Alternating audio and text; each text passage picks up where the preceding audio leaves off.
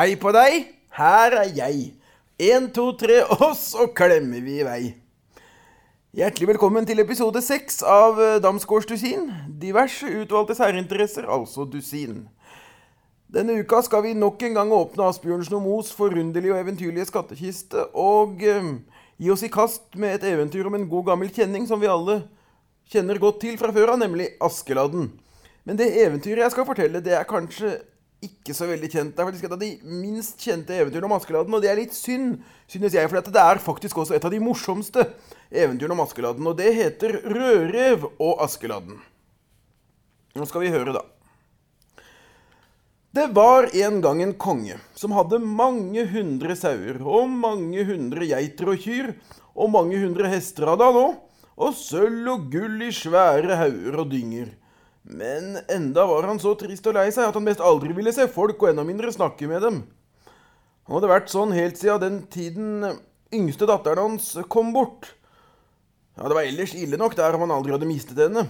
For det var et troll som gjorde ustell og ustyr der støtt, så det mest ikke var kommende til kongsgården for folk. Rett som det var, kunne trollet slippe ut alle hestene til kongen, så de tråkket ned åker og eng og åt opp kornet.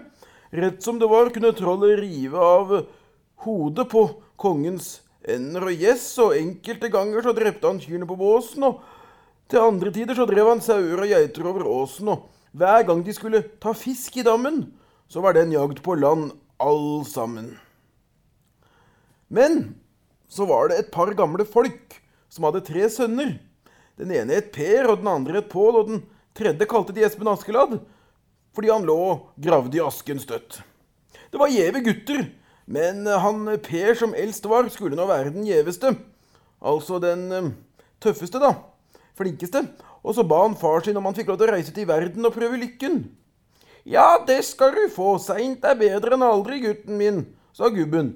Og Så fikk han Per brennevin på flaska og niste i taska, og så tok han foten på nakken og lakket nedover bakken. Og da han hadde gått en stund, kom han inn på en gammel kjerring som lå ved veien.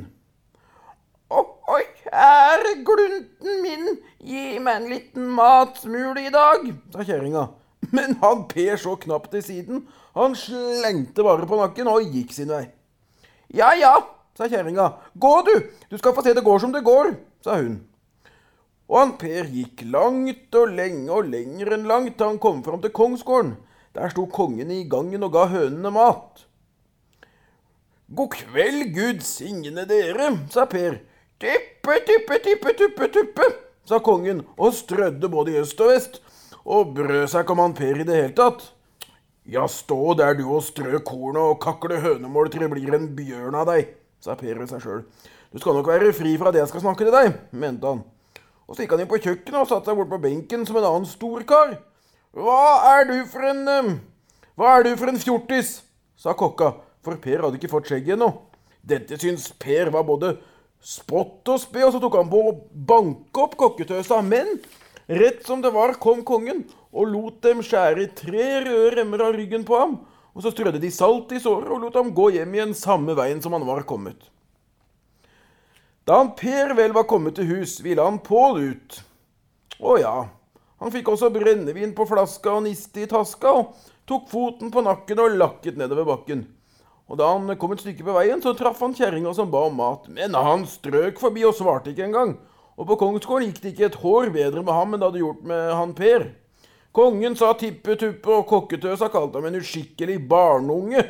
Og da han ville banke henne opp for det, kom kongen med slakterkniven og skar tre røde remmer og strødde faktisk gloende ildmørje i, og sendte han hjem igjen med så rygg.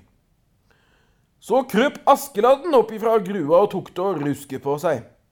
Den første dagen ristet han av seg asken. Den andre dagen vasket og gredde han seg, og den tredje kledde han seg i kirkepynt. Nei, se på den, sa han Per. Nå skinner en ny sol her. Ja, du vil vel til kongsgården og vinne kongsdattera og halve riket, du. Og bli i oska og ligg i oska, sa han. Det er der du hører hjemme. Men Askeladden hørte ikke på det øret i det han. Han gikk bare inn til far sin og ba om å få lov til å gå litt ut i verden. Hva skal du ut i verden? sa gamlingen. Det gikk ikke rart med han Per og han Pål, og hvordan skal det da gå med deg? sa han. Men Askeladden ga seg ikke før han fikk lov til å gå. Brødrene ville ikke at han skulle få matsmulen med seg, men moren ga ham en osteskorp og et kjøttben, og dermed labbet han av gårde. Men det hastet ikke med ham. Du kommer alltid tidsnok, tenkte han. Nå har du dagen for deg, og siden til denne månen kommer opp, om lykka er god. Så han satte den ene foten framfor den andre og pustet i bakkene og så seg godt omkring på veien. Langt om lenge så kom han også forbi den gamle kjerringa som lå under en stein i veikanten og ba om mat. Stakkars deg, din gamle krok, du er vel sulten, du, sa Askeladden. Ja, hun var så, sa kjerringa. Ja, så får jeg dele med deg, da, sa Askeladden og ga henne ostekorpa. Fryser du også? sa han. Han så hun har ikke tenner. Du får ta gamletrøya mi. Det er ikke stort til ermer på og det er enda mindre til rygg, men den var da et brukbart plagg da den var ny en gang i tida. Vent nå litt, sa kjerringa. Hun drev og gravde nedi storlommen sin. Her har du en gammel nøkkel, sa hun. Jeg har verken bedre eller verre ting å gi deg, men når du kikker gjennom nøkkelringen, så kan du se alt du vil. Da han kom fram til kongsgården, holdt kokka på å bære vann, og det hadde hun et svare strev med. Det er for tungt for deg, dette, sa Askeladden. Det kan være så passe til meg å gjøre det, sa han. Den som ble glad, var kokketøsa, og siden lot hun ladden støtt få skrape gryta. Altså spise de restene som var igjen. Men det var ikke lenge, så fikk han mange uvenner for det. Og de løy fram til kongen og sa at han hadde sagt seg god for å fikse både det ene og det andre. En dag kom kongen og spurte Askeladden om det var sant at han var god for å holde fisken i dammen så ikke trollet kunne skade den. De sier du har sagt deg god for det, sa han. Ikke har jeg sagt det, sa Askeladden. Men hadde jeg sagt det, så hadde jeg ikke sagt det uten at jeg var i stand til å få det til, sa han. Ja, hvordan det nå var, så fikk han nok prøve om han ville frelse ryggskinnet sitt, sa kongen. Ja, han fikk da prøve, da, sa Askeladden, for han hadde ikke akkurat så veldig lyst til å gå med røde striper under genseren, sa han. Om kvelden kikket Askeladden gjennom nøkkelringen, og da så han det, at trollet var redd for timian, og han til å ruske opp all den timian han kunne komme over. Noe strødde han i vannet, noe på landet, og resten strødde han rundt kanten på dammen. Så måtte trollet la fisken være i fred, men nå fikk sauene unngjelde for det. Trollet jaget dem over alle hauger og åser hele den natta. Så var det noen andre tjenere som hadde vært ute igjen og sagt at uh, Askeladden visste råd for sauene også, om han bare ville. Han hadde sagt seg god for det, det var sikkert. Ja, kongen gikk ut av ham og sa det samme som sist, og truet med å skjære tre brede røde remmer av ryggen på ham hvis han ikke gjorde det. Det var han råd, da. Askeladden syntes nok det kunne være vakkert og stilig å gå med kongens egen uniform og rød eh, drakt, men han fikk heller eh, droppe det, sa han, når han selv måtte ofre sin egen rygg til å sy uniformen av. Og så tok han til med timian igjen. Men det ble det mest ingen slutt på, for ettersom han bandt timian på sauene, så spiste de av hverandre igjen, og det varte og det rakk, for sauene spiste fortere enn det han rakk å klare å binde på. Men til slutt så gjorde han en slags krem av timian og tjære og smurte dem inn med, og så lot de være å spise den. De likte ikke tjæresmaken. Kuene og hestene fikk også timiansmurning, og så fikk de fred for trollet. Men en dag som kongen var ute på jakt, så kom han på villgress i skogen. Altså det vil si at Han reiste seg bort, han visste ikke hvor han var. Han red faktisk omkring i mange dager og hadde verken mat eller drikke, og klærne for så ille i trangskogen at til slutt så hadde han nesten ikke filla på kroppen fordi alt hadde blitt revet av av greiner og trær han hadde ridd forbi i farten. Og da kom plutselig trollet og sa at nå skal du gi meg det første du møter når du kommer hjem på kongsgården. Og hvis du gjør det, så skal jeg vise deg veien hjem. Ja, det skulle trollet få. Kongen tenkte at det var vel den vesle bikkja hans som støtt for og tjåket og kjaset i møte med ham. Men da han kom så nær kongsgården at de kunne se ham, så gikk den eldste kongsdatteren der, med alle folkene etter seg i møte med ham, og tok imot kongen både godt og vel. Da han fikk se at hun var den første, ble han så ille ved at han stupte i bakken med det samme, og siden den tid var han mest som en halvtulling. Om kvelden skulle trollet komme og hente kongsdatteren, og hun var pyntet og satt på en eng ute ved tjernet. og gråt og bar seg ille. Det var en som het Rødrev, som skulle følge henne, men han var så redd for trollet at han kløv opp i en tømmergran, og der ble han sittende. Rett som det var, kom Askeladden og satte seg ned på bakken ved siden av kongsdatteren. Og hun ble glad, det kan dere nok vite, da hun fikk se at det var kristenfolk som turte være hos henne ennå. Legg hodet ditt i fanget mitt, du, så skal jeg eh, Så skal jeg lyske deg, sa hun. Espen Askeladd så gjorde som hun sa, og mens hun gjorde det, så sovnet han. Så tok hun en gullring av fingeren sin og knyttet fast i håret på ham. Rett som det var, kom trollet pustende, og han var så tung på foten at det knaket og braket i skogen en ja, to-tre meter foran ham. Og da han fikk se Rødrev, som satt i grantoppen som en liten spurv, spyttet han etter ham. Tvi! sa han, så både Rødrev og grana føk i bakken, og der lå Rødrev og sprellet som en fisk på tørre landet. Ho, ho, sa trollet, sitter du her og lysker kristenfolk, så eter jeg deg, sa han. Tvi, sa Askeladden med det samme han våknet, og til å kikke på trollet gjennom nøkkelringen. Ho, ho, hva glaner du på meg etter, sa trollet til Askeladden. Ho, ho! Så kastet det jernstangen sin etter ham, så den sto 15 meter inn i berget. Men Askeladden var så snapp og snar på foten at han kom seg unna med det samme trollet kastet. Tvi for kjerringstykker til Askeladden! Hit med tannpirkeren din, så skal du få se på kast! Ja, trollet nappet opp stanga i et trykk. Den var så stor som tre gårdsporter etter hverandre. Imens stirret Askeladden under himmelen både i syd og i nord. Ho-ho, hva glaner du etter igjen, sa trollet. Jeg står og ser etter hvilken stjerne jeg skal kaste mot, sa Askeladden. Ser du den bitte lille beint i nord der? Den tar jeg og treffer, sa han. Nei, nei, nei, nei, nei, la den sitte som den sitter, sa trollet. Du får til å slenge bort jernstanga mi, jeg har bare den. Ja ja, så får du vel ha den igjen, da, sa Askeladden, men du har kanskje eh, mer lyst til at jeg skal slenge deg opp til målen en tur, sa han.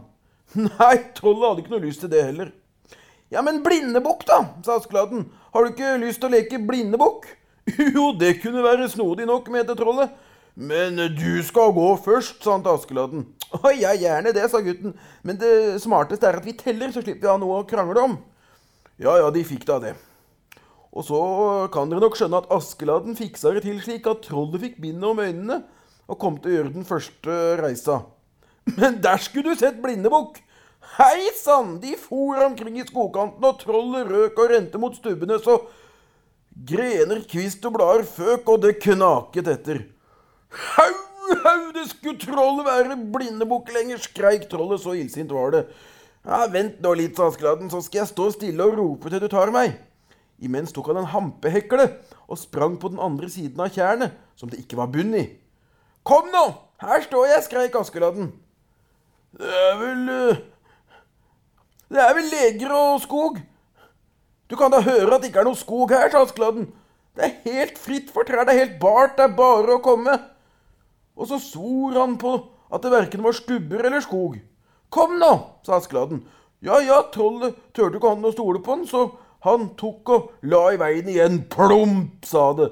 Og der lå trollet i tjernet, og Askeladden ga seg til å hugge ham i øynene med hampehekla. Hver gang trollet fikk hodet over vannet for å puste. Og nå ba trollet så tynt for livet sitt at gutten syntes det var synd på ham. Men først måtte han si fra seg kongsdatteren og skaffe fram den andre også, som trollet hadde tatt før, og love at folk og fe skulle ha fred. Så slapp trollet og krabbet hjem til berget sitt. Da var rødreven plutselig kar igjen, han, når han så at trollet var dødt. Kom ned av granen og tok kongsdatteren med seg opp til slottet. Og truet henne til å si at det var han som hadde redda henne. Og så lysket han ned og tok imot den andre også, da Askeladden hadde sluppet henne inn i hagen. Og nå ble det slik glede i kongsgården at det både hørtes og spurtes over landet og riket og rødrev skulle ha bryllup med den yngste kongsdatteren. Ja, det var godt og vel, men det var ikke så vel enda, for uh, trollet var ikke dødt, det hadde bare rømt i frykt. Og så hadde de isteden gått ned i jorden i mellomtida, mens de holdt på å gjøre stand til bryllupet og stappet igjen alle vannårene til kongen. Kan jeg ikke gjøre annen ugagn, tenkte det. Så skal de i hvert fall ikke få vann til å koke bryllupsgrauten i. Og da var det ikke annen råd enn å sende bud etter Askeladden igjen. Han fikk seg en jernstang som skulle være 15 meter lang, og så fikk han seks smeder som skulle gjøre den gnistrende rød. Og så kikket han gjennom nøkkelringen, og da så han trollet like så godt under jorden som over jorden. Og så kjørte han stangen ned gjennom bakken der trollet var, og ned etter ryggen på trollet, så det luktet brent horn 15 km bortover. Hau, hau, skrek trollet, slipp meg opp! Rett som det var, kom han settende opp gjennom hullet og var opprent like til nakken. Men Askeladden var ikke sen. Han tok trollet og la det på en stang som var fletta med timian, og der måtte det ligge og si ham hvor det hadde fått øyne fra. Ettersom eh, Askeladden jo hadde hakket ut dem trollet var født med med hampekla, da han lå bakset i tjernet. Jo da, jeg skal si det, sa trollet. Jeg stjal meg en rånepe, og den smurte jeg vel inn med smurning. Og siden så skar jeg den til som jeg ville, og satte den inn med pumpespiker. Og bedre øyne vil jeg ikke ønske noen kristen mann. Så kom kongen og begge kongsdøtterne og ville se trollet. Og Rødrev gikk så krepp og kry at rumpa hans sto høyere enn nakken. Men så fikk kongen se at det var noe som blinket i håret på Askeladden. Hva har du der? sa han. Å, det er den ringen som dattera di ga meg da jeg frelste henne fra trollet, sa Askeladden til kongen. Og nå kom det for dagen hvordan alt var gått til. Rødrev gråt og ba for seg, men alt han låt og alt han gråt, så hjalp det ikke. Han måtte i ormegården, og der sprakk han med det samme. Så tynte de trollet, og så tok de på å dundre og drikke og danse i bryllupet til Askeladden. For nå var han sjefen. Han fikk den yngste kongsdatteren og det halve kongeriket. Og så legger jeg mitt eventyr på en slede og kjører til deg, som bedre kan kvede. Men kan du ikke kvede bedre enn jeg, så skam få deg, for du laster meg. Ja, sånn kan det altså gå. Snipp, snapp, snute. Der var nok en episode av Damsgaards dusin ute. Men følg med neste uke, for sikkert som en lås. Og som eh, pengene i banken, så er vi tilbake med et nytt og spennende tema. Så uh, følg med. Den som lever, får se. Ha det bra så lenge. Hei!